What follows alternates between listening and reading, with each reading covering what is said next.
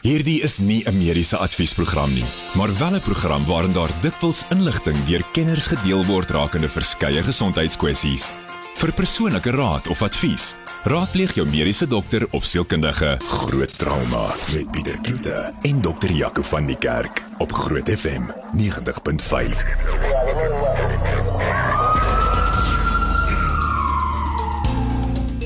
Dis Woensdag aan klein Saterdag en tyd vir groot trauma en ons ek en Jaco begin sommer dadelik inval om te kyk wat gaan of wat gebeur in ons uh, nuus stories. Ek meen almal ken al vir dokter Jaco van die kerk. Jaco, welkom terug. Dankie, lekker om jou weer terug in die ateljee te hê. Ja, want so lekker. So 'n gezoom ding maak uh, is nie altyd lekker nie. Maak my skoon op my senuwees as ek al vir die rekenaar sit. ja. Uh, kom ons begin sommer Jaco, um, ek sien ons twee verskillende artikels. Die ene sê daaglikse COVID-19 gevalle begin afneem wat miskien nog klink asof dit goeie nuus is. En dan sal weer ene wat sê Weskaap gevalle styg steeds, piek nog nie in sig.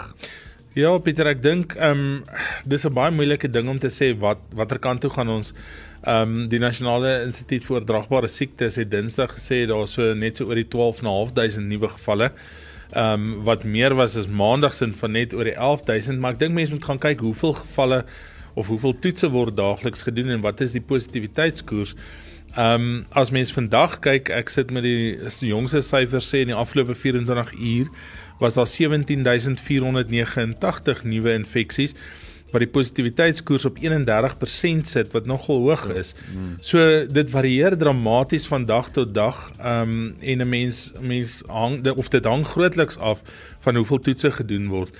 Ehm um, mense moet ook in ag neem alhoewel die getalle dalk kan stabiliseer en selfs afneem ehm um, die mense eers oor oor 10 dae, 12 dae, 14 dae in die hospitale gaan eindig.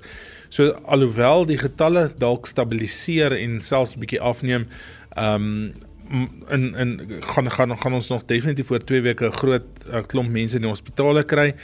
Ehm um, maar daai 17489 klink vir my nog redelik groot. hoog. En ons weet Gauteng was nou hierdie eerste paar weke, ehm um, laaste paar weke van Junie begin van Julie die die voorloper, maar ons sien nou ook soos wat jy dan nou net reg gesê die Wes-Kaap ehm um, is besig om by te kom en ek dink die Oos-Kaap is nie agter nie en ek dink as 'n mens gaan kyk wat nou in KwaZulu-Natal gebeur met die opstande, die mense wat ehm um, uit die aard van die saak niemand maskers dra nie. Dink ek ehm um, gaan hulle getalle ook begin optel waarskynlik in die volgende week ehm um, en dan net verdere druk plaas. So ek dink die die vlaag is nog ver van verby af. Ek dink die die sentrum van waar die waar die middelpunt van die van die groei is gaan dalk verander van provinsie tot provinsie. Maar ons is nog steeds nie uit die rooi nie. Ek bedoel hospitale is nog steeds vol en mense moet dit moet dit kan grasp en, en en kan verstaan. Dis nog steeds vol, jy weet. Ehm um, daar's nie 'n dag wat ek uit die hospitaal uitstap vir daar nie ambulanses staan en wag nie. Sure. Ehm um, ons het al so ver gegaan waar ek werk om silinders buite die hospitaal te sit met pype wat na die ambulanse toe kan gaan wat wag want hulle sit nog steeds 4 tot 6 ure in wag. Sure. Ongelukkig met pasiënte in. Ehm um, vandag is gelukkig koel cool of koud vir die meeste mense, maar ehm um, is dit uh, ambulans in die son staan kan dit nogal warm raak Ja, ja, nee. en benoud raak agterin. So dis nogal sleg om om 'n pasiënt vir 4 tot 6 ure in 'n ambulans te moet hou omdat daar nie beddens is nie. Die baie populêre uh, stat statistikus, as ek dit nou reg sê, mm. Ridwan Suliman wat ook hierso vir CSRI werk hier in Pretoria, het nou van die begin van die pandemie um, so 'n bietjie van 'n statistiek opgestel van hoe die eerste golf teen die tweede golf uh, vergelyk en natuurlik hoe die derde golf hier in Gauteng vergelyk. Ehm um, en hy het natuurlik die ene is blou en die een is rooi wat nou die twee vlae wat nou van tevore was is. En dit lyk tog asof hy half begin afpiek ehm um, met getalle van gevalle hier in Gauteng. Mm. Maar as mens kyk waar hy nou loop daarbo, Jaco, uh, is dit nog baie ver af van die Ja. hoogste waar ons was met vlak 1 en vlak 3. Ja, ek dink as 2. 'n mens na daai daai statistiek gaan kyk of na daai grafiek gaan kyk, dan lyk die vlak 1 en 2 amper maar soos 'n soos 'n muurshoopie um teen 'n berg, jy Ja. weet. Um ons is meer as dubbel nog waar ons was op die piek van ons tweede en ons eerste vlak van van um die virus. So ek dink um alhoewel dit begin lyk asof dit af afgaan op daai um grafiek is daar definitief nog baie baie ding water wat in die in die see moet loop voordat voordat ons weer gemaklik gaan kan werk in die hospitale. Ja. En dink jy as jy nou 'n skatting moet vat, meen en jou ervaring in die trauma eenheid, Ehm um, kyk hy begin nou eers lyk asof hy afpiek, so dit gaan seker ten minste nog 2 tot 3 weke vat voordat daar enige beduidende ehm um, daling gaan wees. Dink jy dat ons moontlik dan nog in Augustus nog steeds op vlak 4 kan wees? Pieter, as ek dit moet voorspel, dink ek ons gaan definitief nog waarskynlik daar wees. Ehm um, as as dit gaan soos wat dit nou gaan. Ehm um, dit wat ons sien in hierdie vlaag is dat die mense baie later ook nadat hulle positief getoets het, eers begin slegte komplikasies kry. Jy weet ek het vandag mense gesien wat 14 dae terug positief getoets het en nou sit hulle met wit longe en lae suurstofvlakke en deels dink ek daar seker ook sekondêre bakterieële infeksies wat wat ehm um, gepaard gaan hiermee. Daar's ander goed wat dit kompliseer maar daar's definitief 'n ding wat wat vir ons hierdie keer anders is as die vorige twee vlae in terme van dat die mense baie lank na die positiewe toets nog steeds siek raak, nog steeds hospitaal weer eens nodig het en selfs intensiewe sorg um en kompliseer. So ek dink ons gaan nog weke en selfs 'n maand of langer dalk nog met hierdie hierdie gemors sit. Net weer Jaco, ek dink jy het dit nou al reeds vir ons gesê, maar in jou in jou opinie kan jy sien dat die mense wat wat wel inentings ehm um, gehad het beter doen as die wat nie inentings gehad het nie? Pieter, dit wat ek gesien het en dit wat ek sien daagliks is dat die mense wat inentings gehad het, selfs al is dit net na die eerste inenting van die van die sessie van 2 ehm um, dat hulle wel beter doen. Hulle word nog steeds siek. Mense moet nog steeds veilig wees, hulle moet nog steeds versigtig wees, hulle moet nog steeds al die ander maatreëls ook volg. So jy kan nog steeds infeksie kry. Dit is nie 100% beskerming nie, maar jy sien nie die mense in ICU land nie, jy sien nie die mense op ventilators land nie en belangrikste is jy sien nie so baie sterftes vir mense wat op wel op geïnt is nie. Al is dit um, nie volledig nog nie en wat baie keer gebeur is 'n mens gaan die mense gaan ent maar binne 'n week of 2 dan raak hulle siek en jy daarom 28 dae plus nodig voordat jy genoeg immuniteit opbou ook na die eerste een maar definitief na die tweede een. Ehm um, maar dit maak 'n groot verskil en ek dink dis die hele gedagte agter die inenting is om te keer dat mense in hospitale eindig en om, uit die aard van die saak te keer dat die sterfte syfer so vinnig styg. En dan net um, ek sien onderwysers uh, wat steeds ingeënt word um, in 'n verklaring in die onderwysdepartement vandag gesê dat meer as 500 000 onderwyspersoneel is al sedert die begin van die program inge ingeënt. En dit teken was aanvanklik 582000, so hulle is nogal redelik daar amper. Ja, ek dink dit hulle kan nogal trots voel op hulle self. Hulle sê dit lyk meer as 80% van die personeel wat in die um, onderwyssektor is is ingeënt. En ehm um, dis 'n ongelooflike prestasie en ek ek ek hoop al die ander sektore ehm um, gaan probeer om die onderwysdepartement te wen met daai meer as 80% inentingssyfer. Want die goeie nuus is ek kan nie wag nie is dat inentings ehm um, uh aansoeke, ek wil nie ek sê is aansoeke nie, maar jy of registrasies ja. Ehm um, open môre vir persone wat 35 jaar uh en ouer is. So dis ek daai ek gaan verseker môreoggend refresh op daai knoppie tot hy sê ek kan registreer en dan hopelik dan teen die 1 Augustus dan my eerste inenting gaan gaan kry. Jaco dan uh Dana Snyman, uh, lyk my ons praat maar weer oor COVID, maar dis maar ongelukkig wat die wat die nuus oorheers. Ehm um, hy ryk nie eers wiks na hy COVID gekry het nie. ja, kyk, dit dit bly maar een van die simptome, die eerste, tweede en derde vlaag, soos wat almal weet die die simptome varieer maar so van watter variant ehm um, oorwegend daar is. Maar die reuk en die smaak is maar die ding wat wat nog steeds derendtyd bly. Nou daar's 'n senuwee, een van jou groot kraniaal senuwees, daar's 12 van hulle, een van hulle is jou ehm um, okulometories senuwee en een is jou olfaktoriese senuwee. Jou olfaktoriese senuwee is jou jou reuk so 'n uh, senuwee. En as jy nie kan ruik nie, kan jy nie proe nie. En dis eintlik maar skade aan daai senuwee eindpunte wat maak dat jy nie kan proe nie. En daar's mense wat ek uh, al in die eerste vlaag gesien het wat hulle reuk en smaak verloor weens die skade aan daai senuwee wat ehm um, nog steeds nie hulle smaak 100% terug het nie. Sure. So ek dink dit is nogal 'n slegte ding, jy weet, want as jy nie kan ruik nie, kan jy nie proe nie. As jy nie kan proe nie, kan jy niks lekker lekker eet en en dit geniet nie. Of 'n wyntjie so, kan geniet of so iets nie. Dink nou net, hè? Is dit proe so skottelgoed water? ja. en dan ehm um, daar's lyk my baie minder siek mense in hospitale in Bloem. Ja, ek is baie bly vir hulle want um, ek sien Medikliniek Bloemfontein sê dat hulle sien 'n uh, redelike afname in die opnames um in hulle ongevalle sowel as in die hospitaal en hulle hulle dryf na beddens is baie minder. Hulle um kan die mense hanteer en ek hoop regtig in my hart dat ons oor 2 of 3 weke van nou af van Gauteng kan sê ons kan ook almal hanteer wat by ons deur opdaag. Hmm. Definitief. En dan net om af te sluit Jaco, uh, betogings belemmer nooddienste mediese inentings uh, is ook natuurlik gestaak uh, val in KwaZulu-Natal en yeah. Ja. in dele van Beto um, Gauteng. Ja, Pieter, is is eintlik 'n hartseer ding in terme van die inentings as sulks want ehm um, ek dink ons het nou net by 'n punt gekom waar uh, ek dink ons trots kan wees om tussen sê 150 en en 200 000 inentings per dag te doen. En nou ewe skielik moet jy van jou groot inentingssentrums ehm um, toemaak omdat dit nie veilig is vir die mense om daar te wees nie. Dis die een ding. Die tweede ding is um en ek meen ons sit nie is in die in die um gevaarsone nie. Maar selfs by ons waar ons werk, het ons vandag um op 'n stadium gesukkel met suurstofsilinders en vanaand toe ek nou ry op pad hiernatoe, toe sien ek hulle het met 'n lorry kom aflewer klein silinders wat hulle toegooi met seile dat die mense nie kan sien wat daar wat daar um vervoer word nie. Sure. So ek dink net hoe dit moet wees in Natal in terme van die personeel in die hospitale. Hoe kom jy by die hospitaal en terug? Hoekom pasiënte by die hospitaal as die paaie afgesluit is wat regtig hulp nodig het?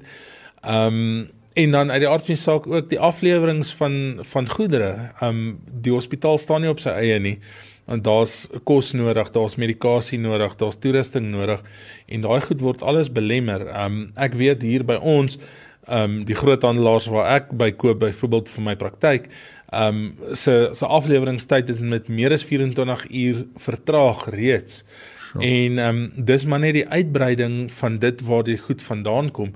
Maar as jy in die middel van hierdie ding sit, kan dit regtig mense se lewens kos en ek ek ja. dink nie almal besef dat ehm um, die impak wat dit het op almal betrokke nie.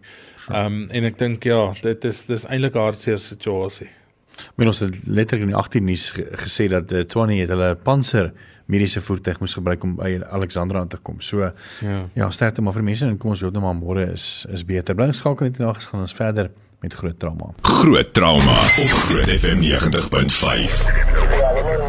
Onthou so 'n bietjie later in die program se tyd vir vrae vir Jaco. As jy enige mediese vrae het, is jy welkom om jou vraag te vra en jy is welkom ook om anoniem te bly. Noem maar net in jou boodskap dat dit anoniem is. Uh stuur jou vrae na 061 6104576 en onthou standaard tariewe geld. Jaco, ek sien dat die South African Federation of Mental Health of SAFMH het uh, die 1 Julie 'n nuwe veldtog van stapel gestuur wat hulle noem Psychosocial Disability Month campaign. Nou as 'n mens dink aan as as mense nou dink aan die woord disability, dan dink 'n mens slaan nou weet, miskien dalk moontlik weet persone wat wat nie kan loop nie, wat miskien nog gestrem is of so iets, maar ehm um, hierdie gaan baie verder as as net dit, nie waar nie? Ja, Pieter, ehm um, definitief psigososiale disability. Ehm um, ek dink dit is 'n disability regtig as 'n mens in in die ware sin van die woord as mens een of ander geeste siekte het wat nie optimaal hanteer word nie dan kan jy nie funksioneer nie. Ehm um, ek dink aan simpel goed soos 'n depressie wat ehm um, maak dat 'n mens nie kan slaap nie, wat jou permanent moeg maak, wat jou dryf vir die lewe ehm, beïnvloed, wat jou konsentrasie beïnvloed wat uit die aard van die saak ook jou, jou funksionering by die werk en jou produktiwiteit beïnvloed.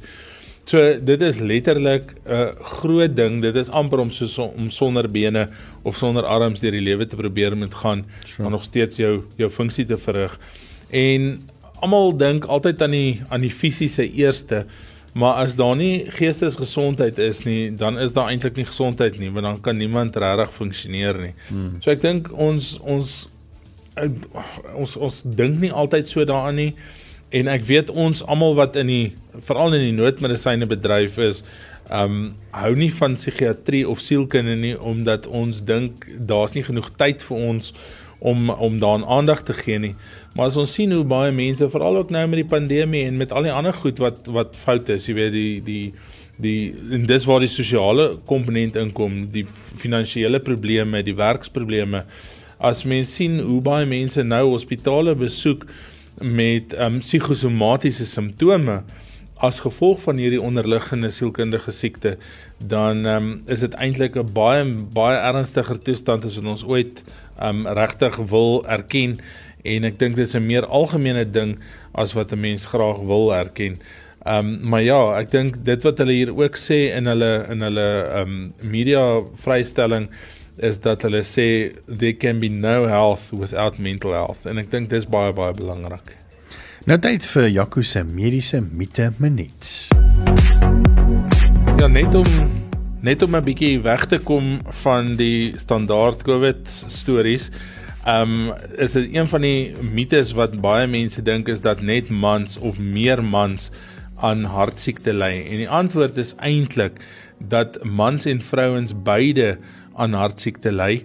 Ehm um, dit is so dat vrouens 'n beskermende effek het van hulle estrogen tot op die ouderdom van 47 tot 50. So ons sien dat meer mans siek word van hartsiekte voor die ouderdom van 50.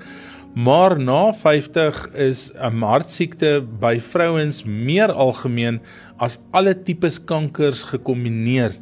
So, ehm um, vrouens is meer geneig om te sterf na 'n hartaanval en vrouens is ook meer geneig om atipies te presenteer met hartsiekte. So as daar enige snaakse borskaspyn is, gaan sien eerder jou dokter. Groot trauma met Pieter Kloete en dokter Jaco van die Kerk op Groot FM 90.5. Baie dankie vir julle vrae vir Jaco vra. As jy nog 'n vinnige vraag het, is jy meer as welkom vir Jaco te vra. Jy kan enige vraag vra, dit hoef nie dit hoef nie pertinent oor ons onderwerp te gaan nie. So enige mediese vraag kan jy nou vir ons stuur by 061 610 4576 en onthou standaard tariewe geld. En ons gaan so aan die einde van die program gaan van kyk wat daarby kan uitkom. Weet nie, is dit net ek of Jaco of uh, hoor ek myself fluit? Dit klink so weet nie hoekom ek so vlei dis miskien nog die keel van my wat so 'n bietjie opgeswel is maar hoorie uh, ek gaan 'n bietjie later vir jou so van die lig af vra wat wat wat's fout met my keel? Ek hoop nie ons moet jou toets vir covid nie. Hoorie so ek sien dokter Richard Friedland hy is die hoofuitvoerende beampte van Netcare het um, 'n um, media vrystelling vandag bekend gestel ons wou nog gesels het maar hy is so besig met dinge wat gebeur. Uh, om net net te sê en ek dink mense gerus te stel dat weet uh, ten minste dan die Netcare hospitaal en ek seker die ander hospitale het ook uh, contingency plans in plek uh, om seker te maak dat die pasiënte eerstens veilig is en dan tweedens ook om seker te maak dat ehm um, daar genoeg voorraad is byvoorbeeld suurstof en die meer, nê nee, Jaco?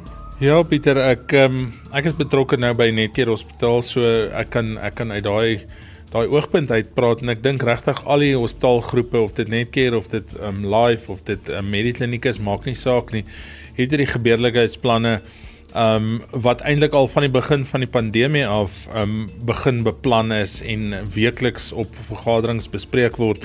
Ek weet ek sit self op een van die vergaderings wat weekliks elke Vrydagmiddag om spesifiek te wees en dink nou net ja. dis nou 'n tyd vir 'n vergadering, maar ja, en hy begin 1 uur. Ag nee. So, waar ons hierdie goeders beplan en waar mense week tot week eintlik maar beplan wat gebeur daai week.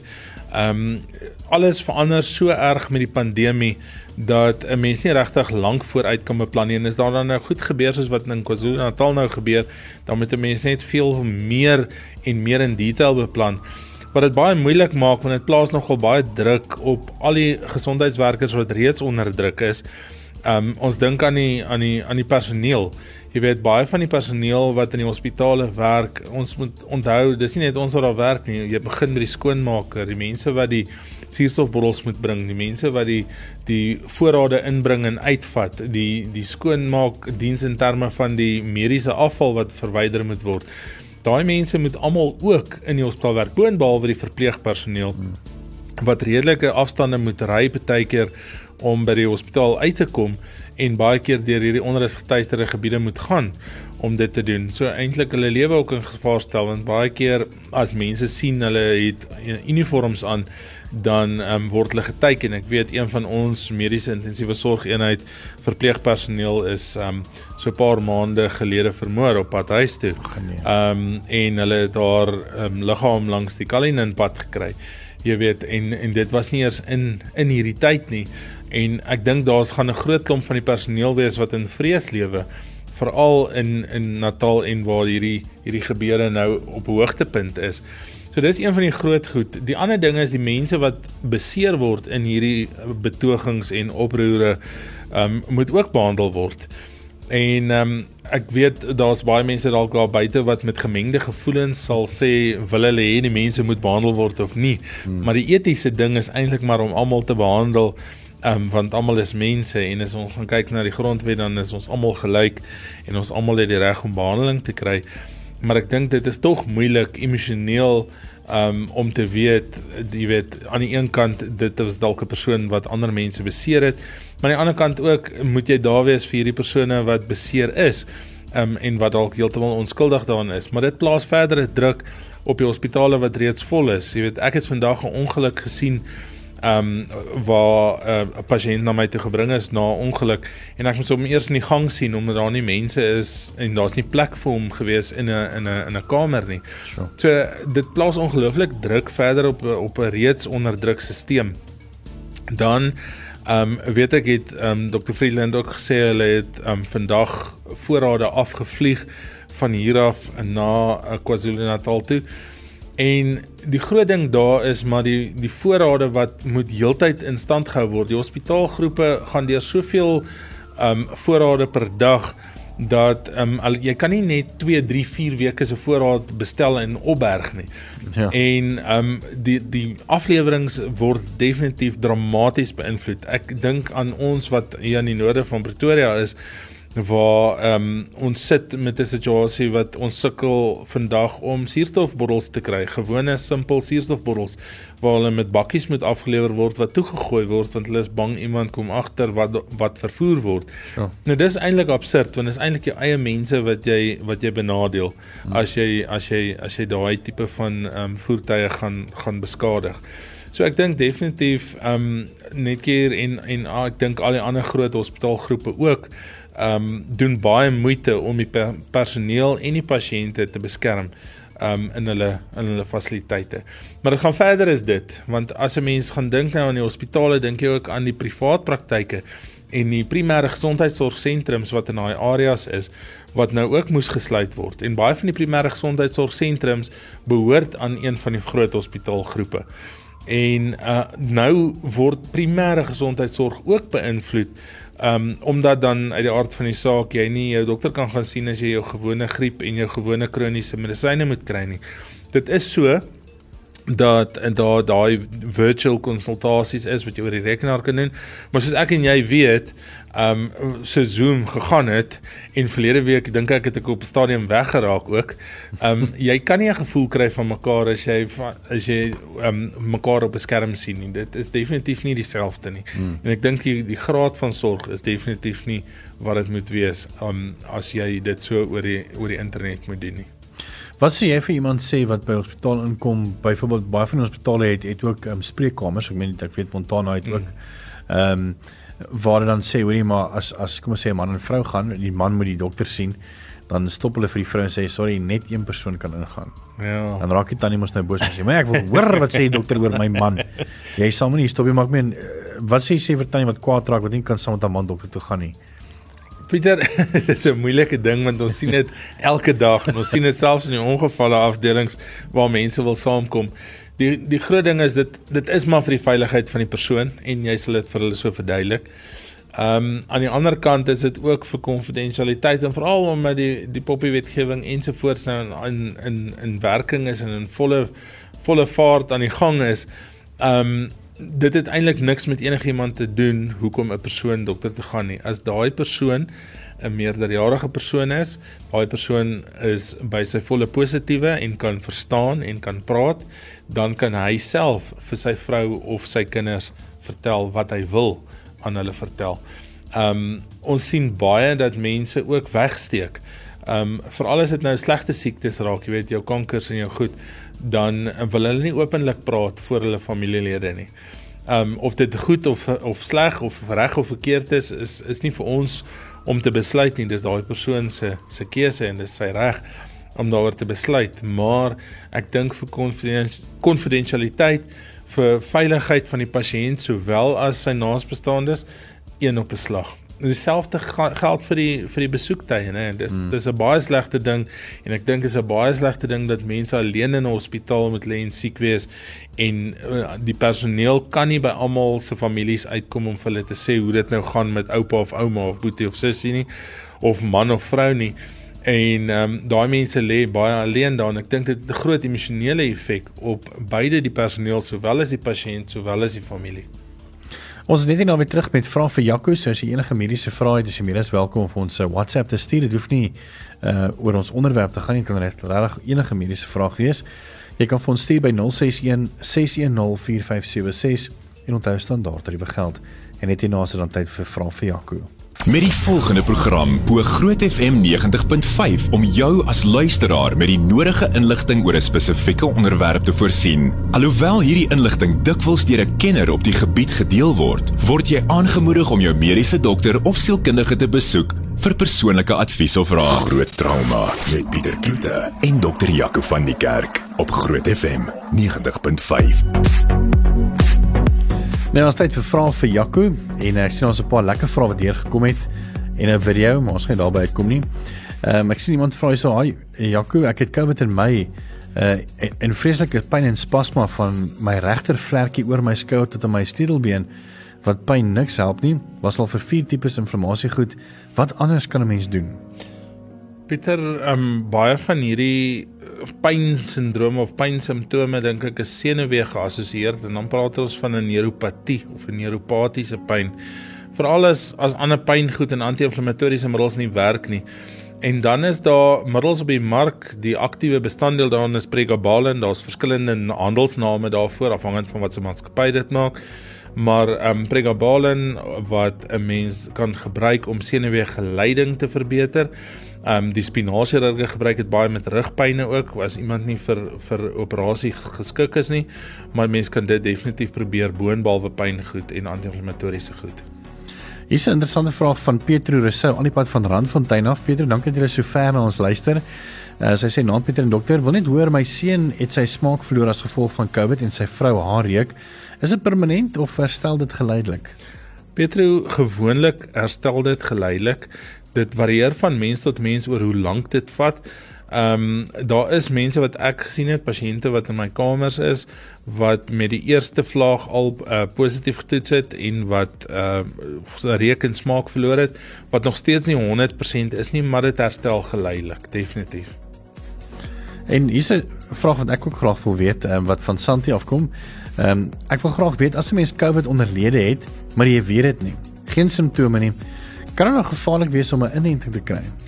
Pieter, dit behoort nie gevaarlik te wees om 'n inenting te kry nie. As jy um COVID dra of 'n draer is van die virus en jy het nie simptome nie, is jou viruslading waarskynlik laag. Um en as jy die inenting kry, onthou ons gee nie die virus vir jou nie.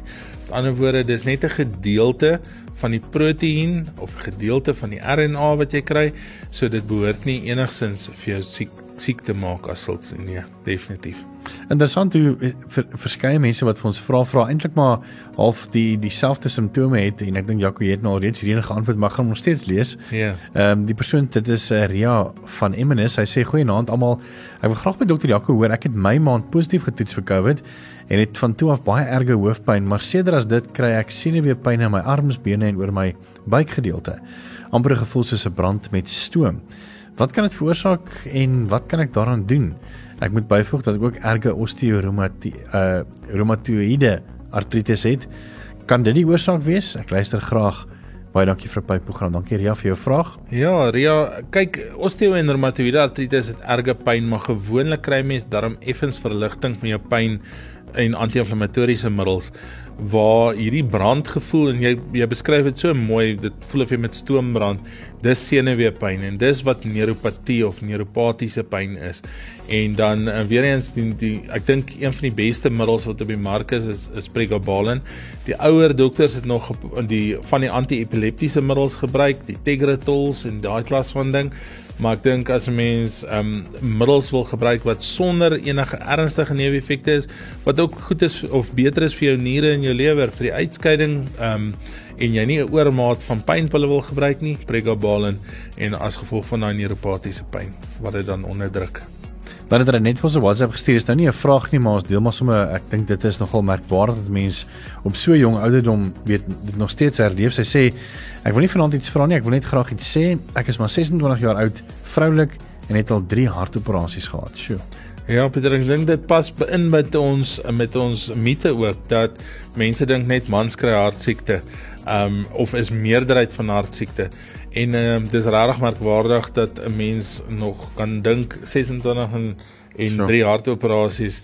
Um en mens hoop net sy bly nie in KwaZulu-Natal op hierdie stadium ja. dat um haar gesondheidsorg dalk daar agter geblewe kan bly nie. Nog 'n vraag gou, ek wil graag weet hoe lank moet 'n mens wag nadat jy COVID gehad het voor jy gaan vir 'n inenting? Kan jy weer COVID kry kort nadat jy dit gehad het en is dit beter om weer te gaan toets as jy weer simptome het? Dankie vir die raad. Ja. Ek dink eh, die eerste gedeelte van die vraag is ja, 'n mens moet ten minste so tussen 30 en 90 dae wag afhangend van wat se um, inenting jy kry um voordat jy vir jou inenting gaan. Um, maar ek ek dink mense moet met jou gesondheidswerker praat ook in terme van watse inenting jy gaan kry of die die, die kliniek waar jy dit gaan kry. Maar nie korter as 30 dae nie. Ehm um, kan mens COVID kry direk nadat jy jou inenting gekry het? Is ongelukkig ja, want dit vat maar omtrent 'n maand voordat 'n mens regtig goeie immuniteit opbou. So jy kan definitief COVID kry. Jy gaan wel waarskynlik 'n ligter graad van 'n uh, siekte kry, maar jy kan dit definitief kry en as jy simptome het, gaan toets asseblief. Die inenting gaan nie maak dat jy positief toets nie. So as jy simptome het, toets dat jy kan weet dat jy kan vroeg genoeg hulp kry as jy dan kompliseer want ons sien baie mense wat te laat opdaag by die hospitale en reeds komplikasies het en dis hulle wat gewoonlik sleg uitdraai. Hier's 'n baie goeie vraag. Ehm um, dit gaan miskien ook as ek as ek dit nou gaan lees vir jou, dan gaan dit miskien ook vir jou dom klink of so, maar ek kan verstaan waartoe hulle wil gaan met hierdie vraag. Ek dink as 'n mens dink aan die weet jy gee vir iemand 'n smartie wat lyk soos 'n mhm. pil, die placebo effek. So die vraag is is die volgende en dit is oor COVID. Wat is die effek wat die brein uitoefen op die herstel van COVID? Want sy sê die volgende voorbeeld. My tannie was baie ernstig siek met COVID in die hospitaal opgeneem en uh toe sy nou mooi weet wat aangaan het sy die suster gevra vir 'n Coke bottel. En sy het toe nou haar longe geoefen. Ek weet nie of sy nou in en uit geblaas het in die Coke botteltjie nie. Mm. Maar die suster wou nou net keer, jy weet. Uh, maar op die einde van die dag was sy weer die dokter of toe sy nou weer die dokter sien het laat ontslaan. So speel die brein dalk 'n groter impak as wat 'n mens besef. Pieter is 'n baie baie goeie vraag en is 'n baie goeie opmerking ook.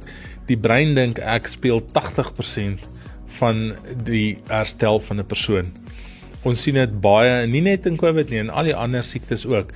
As jy glo jy gaan gesond word, as jy positiewe denke het, as jy wil gesond word, dan het die brein 'n massiewe impak op jou verloop van siekte. As jy hoor jy die diagnose en jy begin huil en jy begin stres en jy gaan lê plat, dan gaan jy nog bloedklonte ook kry, maar ehm um, dan gaan jy regtig vir 'n slegter uitkoms hê en ek dink definitief jou gemoed en jou jou hele houding in ten opsigte van hoe jy oor hierdie goed dink maak 'n massiewe verskil. As jy nie gaan lê nie, gaan dit baie goed gaan met jou. Sjoe. Ehm um, dan sien die een al die pad van die Kalahari af. Sy sê dis nou tans uh, 4 grade daar. Dit was gisteroggend -7. Ons gaan nie daaroor praat nie. Lieflik. Maar sy sê met al die nuwe variante wat elke paar maande nou kop uitsteek, beteken dit dat die enstof ook daarvolgens moet aangepas word en dat hulle jaarliks nou nuwe boosters of enstowwe sal moet ontvang? Pieter, ek dink dit gaan waarskynlik op 'n punt kom waar mens wel jaarliks 'n uh, enstof of 'n booster sal moet kry, soos wat die vari uh, variante bykom en en die ehm um, die genetiese uh, komposisie van hierdie van hierdie virus heeltemal verander. Ehm um, ek dink mense gaan dit later waarskynlik gaan dit dalk ons nuwe tweede griep wees, jy weet, waar mense soos mense vir die griep inenting kan gaan. So ek dink definitief 'n mens gaan op daai punt kom maar ek dink vir eers um, moet almal eers die eerste inenting kry en um, dit behoort dan um, later se probleem te wees om weer die boosters te kry. Nou ja, groete daar die Kalahari. Daar's hy. Ek dink hulle sin nie aan jy 'n rappie vir ons 'n lekker Kalahari skaapie opstuur geld ding te man. Hoorie so dan net so laaste vraag. Um, Goeienaand, my naam is Lottie. Ek het lupus LSI en ek kan nie die medisyne gebruik as gevolg van my allergie vir aspirien.